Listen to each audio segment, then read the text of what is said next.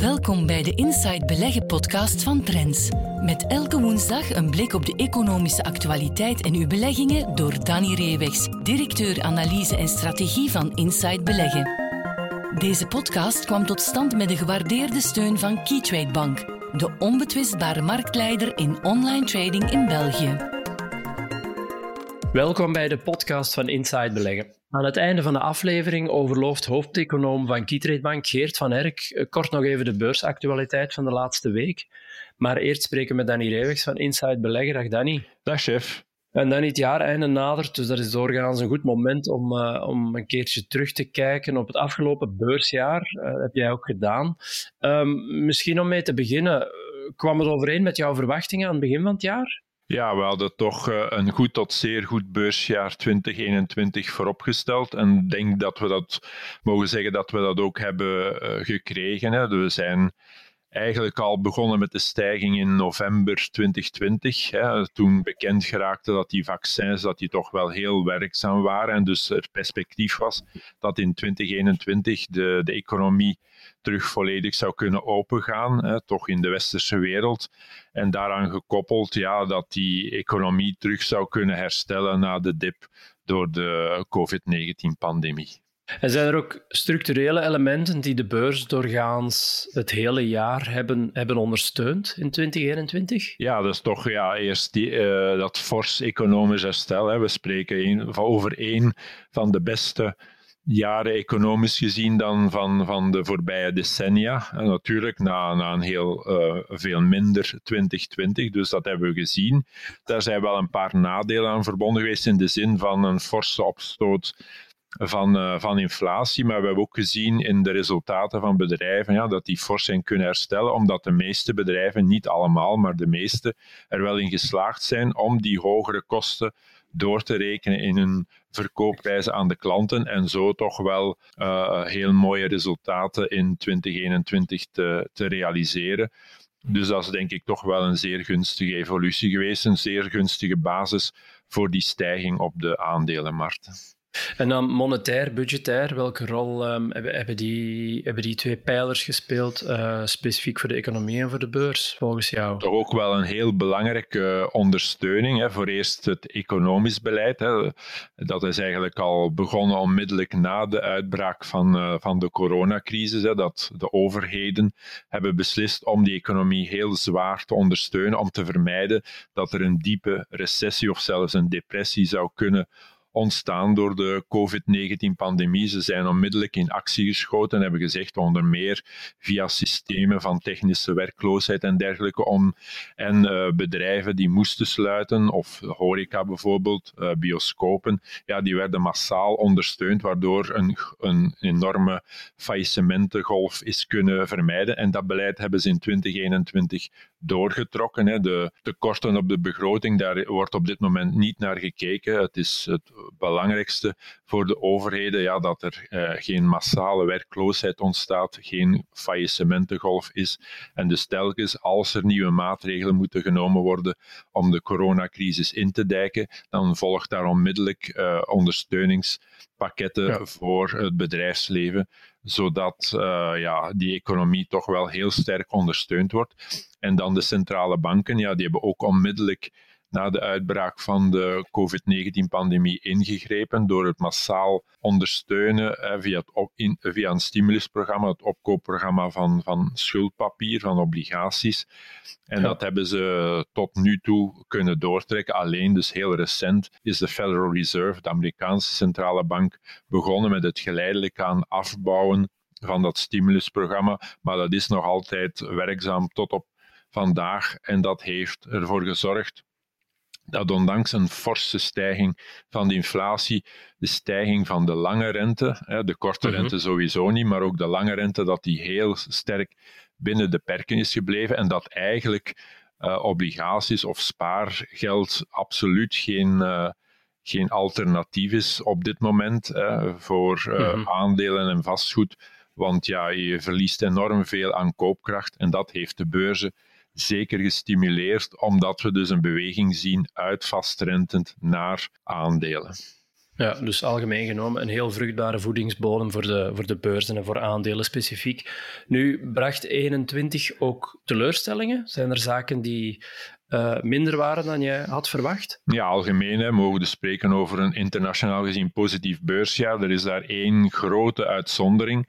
En dat is dan ja, de Chinese, zijn de Chinese beurzen. Hè. Daar hebben we toch wel een serieuze terugval gezien. En vermits het gewicht van China in de emerging markets indexen zo groot is, heeft dat ook wel gewogen op uh, de prestaties van de opkomende landen, waar je eigenlijk uh, een eerder vlak resultaat hebt, zelfs tot licht negatief voor de Chinese beurzen, zelfs fors negatief. En dat heeft natuurlijk alles te maken niet alleen met een groeivertraging in China, maar ook en vooral uh, het ingrijpen, de frontale aanval van de Chinese autoriteiten ten aanzien van uh, bedrijfsleven, zeker ten aanzien van de techgiganten die natuurlijk een groot gewicht hebben in de indexen. Er is echt een salvo geweest aan onderzoeken, aan boetes aan nieuwe reglementeringen. En dat heeft voor heel veel onzekerheid gezorgd. En dus ook vooral internationale investeerders toch wel uh, voor gezorgd dat die hun posities in die regio toch serieus hebben verminderd.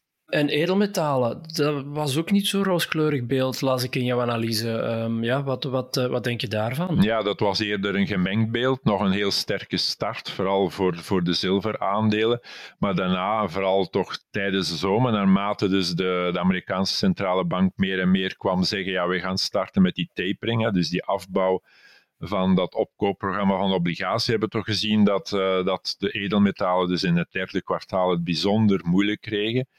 Uh, en dus eigenlijk uh, ja, eerder een licht negatieve prestatie hebben geleverd in 2021, na weliswaar uitstekende jaren 2019 en 2020. Nu, tot slot, om kort even vooruit te blikken, uh, want ja, we hebben een, over het algemeen een heel goed beursjaar gehad. Zijn er tekenen die ons kunnen vertellen op welk elan de beurzen de komende periode verder zullen gaan? Zal het hetzelfde zijn als nu of moeten we ons aan iets anders verwachten? Ja, de balans van 2021 is heel positief.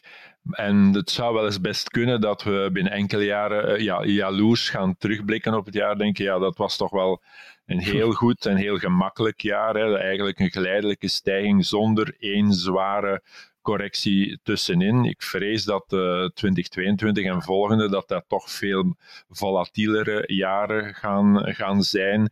En dat die soms ook wel uh, een stuk minder, uh, de prestaties een stuk minder zullen zijn dan, dan dit, dit jaar.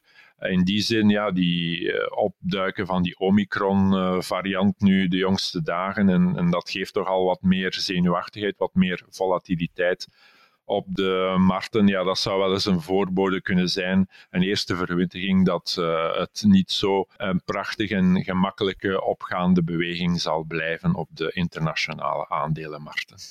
Ja, om in de gaten te houden. Dus goed. Um, het aandeel van de week heb jij de tapijtenproducent Balta erbij genomen. Die kwam recent met resultaten van het derde kwartaal. Uh, wat zijn daar de hoofdpunten uit wat betreft de winst en balans? Ja, algemeen kunnen we zien hè, dat uh, Balta zich toch wel vrij behoorlijk uh, uit de slag heeft getrokken tijdens de coronacrisis en nu ook mooi herstel kan optekenen. Als we nu kijken naar de eerste negen maanden van 2021, dan zien we toch een mooie omzetstijging van 14,4 procent tot afgerond 470 miljoen euro. En vooral dat qua rendabiliteit, qua winstgevendheid er toch grote stappen vooruit zijn gezet. Uh, en dan zien we in die eerste negen maanden toch een sprong van de bedrijfskaststroom van de EBITDA met meer dan 60 procent, waardoor dus de EBITDA-marge, die een verhouding geeft tussen die bedrijfskaststroom en de omzet, dat die op groepsniveau gestegen is van minder dan 10% naar bijna 14%.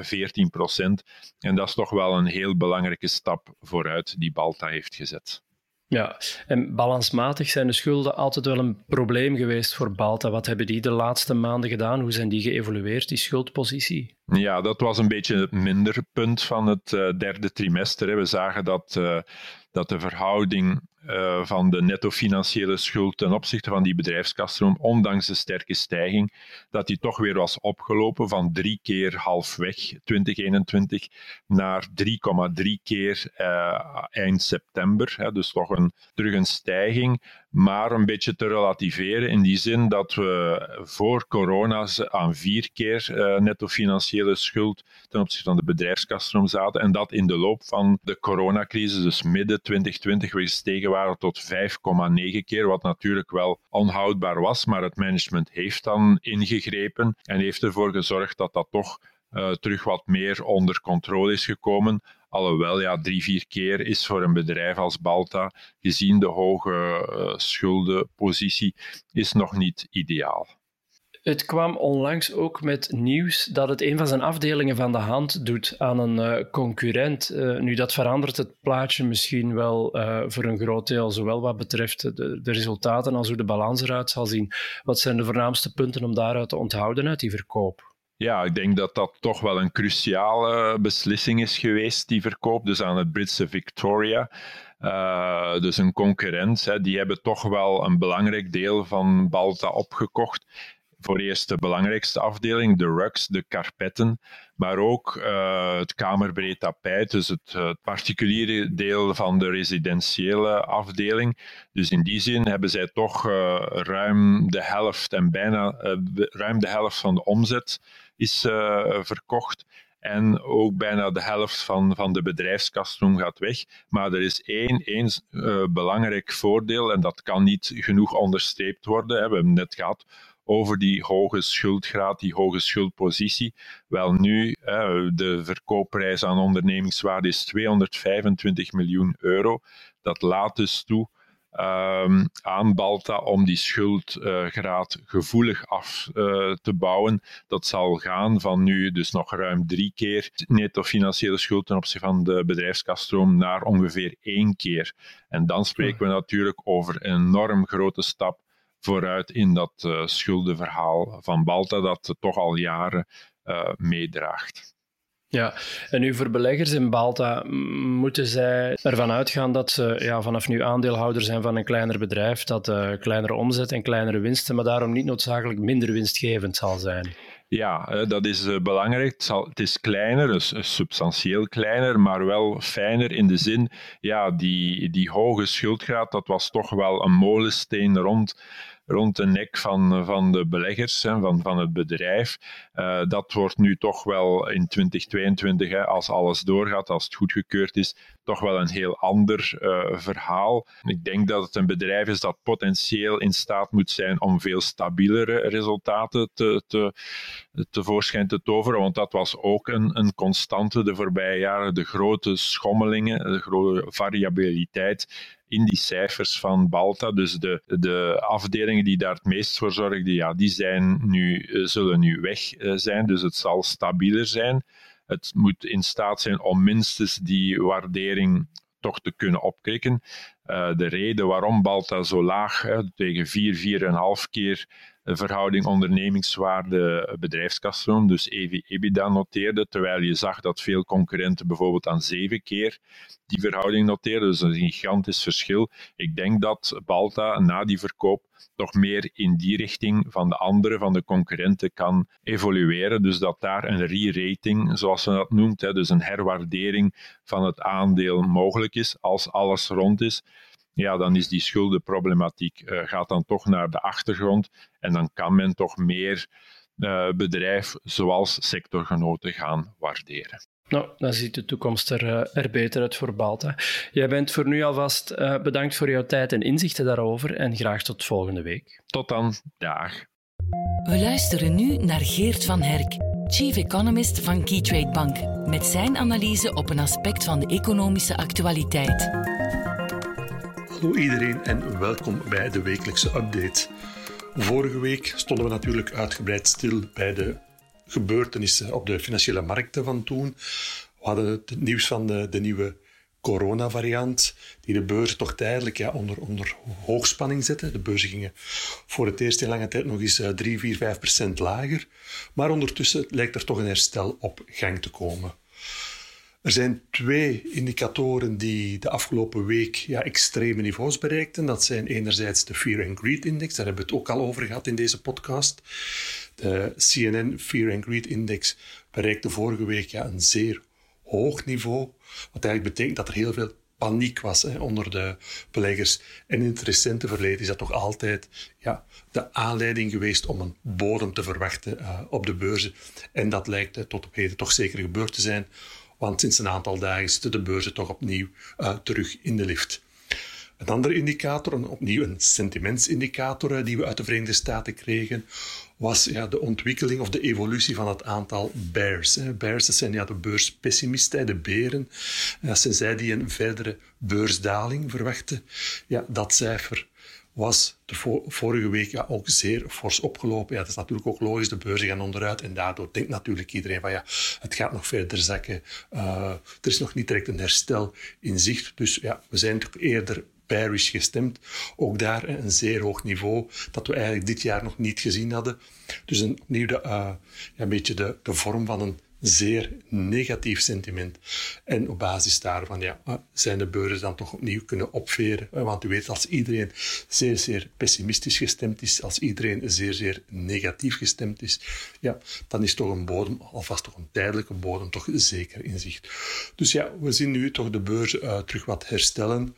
Dus uh, laat ons hopen dat die eindejaarsrally nu terug op gang gekomen is. Nu kom nog even terug op wat we ook vorige week al zeiden hoe komen we eigenlijk die periode door? Hoe houden we het hoofd koel? Ja, we zijn toch de afgelopen dagen en weken vooral onze aandacht blijven richten op de ontwikkeling, de evolutie van het 200-daags gemiddelde. Heel wat toonaangevende indexen uh, zijn daar niet doorgezakt door hun 200-daags gemiddelde. De S&P 500 uh, of de Stoxx Europe 600 hè, in Europa, die zijn daar allemaal mooi boven gebleven. Ook de small caps in Europa zijn er wel heel kort bij geweest, maar nooit neerwaarts uh, doorbroken. Dus op basis daarvan behouden we eigenlijk het vertrouwen in uh, de structureel stijgende trend van de beurzen. En ja, dus zolang dat 200-daags gemiddelde niet neerwaarts doorbroken wordt, blijven we toch eerder optimistisch gestemd voor uh, de verdere beurstoekomst. U weet ook, we hebben vorige week ook onze, onze kooptips in deze volatiele omgeving aangegeven. Dat zijn cyclische uh, Belgische aandelen, Umicore, Aperam en Solvay. Ondertussen zien we toch ook dat die aandelen proberen te herstellen. Er is wel één duidelijke activa-klasse die ja, de afgelopen tijd niet heeft geprofiteerd van de hogere volatiliteit op de beurzen. U weet, normaal gesproken, hogere volatiliteit op de beurs, een beetje paniek onder de beleggers, dan komt er meestal ook een vlucht naar goud op gang. En dat is toch wel opmerkelijk dat we dat opnieuw niet gezien hebben. Opnieuw zeg ik, waarom? We hebben dit jaar wereldwijd een zeer sterke stijging van de inflatie gekend. Normaal ook een ideaal scenario voor goud. Ja, goud heeft daar niet op gereageerd. We zien nu opnieuw hogere volatiliteit, een beetje panieksfeer op de beurzen. Goud profiteert er niet van. Eh, als u een, een goudgrafiek oproept, dan ziet u eigenlijk in de week waarin de, ja, de beurzen toch zeer sterk naar beneden ging, dat er geen noemenswaardig positief effect was op de goudprijs. Dus opnieuw toch iets uh, in, het, uh, in het achterhoofd te houden. De enige echte activa klasse die van de huidige volatiliteit heeft geprofiteerd, zijn opnieuw ja, toch de staatsobligaties. Zeker in de Verenigde Staten waar we toch een, een zeer opmerkelijke daling van de 10 en de 30-jaarsrente uh, hebben gekend. En dat is toch iets waar we graag een beetje ook verandering in zouden zien komen. Dat uh, die rentedaling die we de afgelopen tijd in de Verenigde Staten gezien hebben, dat die nu gaat uitboden, dat we daar opnieuw hogere lange termijn rentes krijgen. Waarom, is dat, uh, waarom zou dat positief zijn? Omdat zulke omgeving, een omgeving van stijgende lange termijn rentevoeten, toch vooral in het voordeel is van cyclische aandelen en ook de financiële aandelen. En dat, uh, cyclische aandelen en financiële aandelen, blijven wat mij betreft toch nog altijd ja, uh, de ideale sectoren om een verder beursherstel uh, te bespelen. Maar ik heb het al, denk ik, genoeg aangehaald. Mijn favoriete sector voor de komende weken en maanden blijft nog altijd ja, de, de cyclische aandelen, de industriële aandelen, de grondstoffenaandelen. Um, die moeten toch kunnen profiteren van het verdere beursherstel. Een verder beursherstel dat waarschijnlijk ook positief zal inwerken op de, op de reële uh, economie. En dus opnieuw, als de reële economie betere macro-economische indicatoren gaat vertonen, kan dat opnieuw uh, zuurstof geven aan een verdere beursstijging. En zo krijgen we eigenlijk ja, versterkende elementen. Hè. Een stijgende beurs, een betere wereldeconomie. Op basis van die betere wereldeconomie gaan de beleggers hogere winstcijfers verwachten en, en kopen zij verder. En zo komt eigenlijk ja, toch een positieve, vicieuze uh, cirkel uh, op gang. Dus opnieuw afrondend. Vorige week hebben we toch een climax gehad in het zeer uh, negatieve, pessimistische sentiment onder de beleggers. Dat heeft er al toch voor gezorgd dat de beurzen kunnen herstellen. Nu, we hopen natuurlijk dat deze beursstijging verder gaat, maar zoals altijd, doe aan risicobeheer. Uh, en focus u vooral op het 200-daags gemiddelde voor de grote indexen. Als u daar toch negatieve signalen begint te zien, kan dat misschien toch een aanleiding zijn om opnieuw toch wat defensiever of wat voorzichtiger te worden. Maar zover zijn we niet. Op dit moment ja, blijven we het volste vertrouwen uh, behouden in de verdere beursstijging. En uh, we spelen hierop in met onze drie Belgische cyclische aandelen. Umicore, Aperam en Solvay. Dank u wel voor uw aandacht en tot volgende week. Tot zover deze aflevering van de Inside Beleggen podcast. Meer tips, advies en analyses voor uw beleggingen leest u morgen in Trends. Volgende week zijn we er opnieuw. Deze podcast kwam tot stand met de gewaardeerde steun van Keytrade Bank, de onbetwistbare marktleider in online trading in België.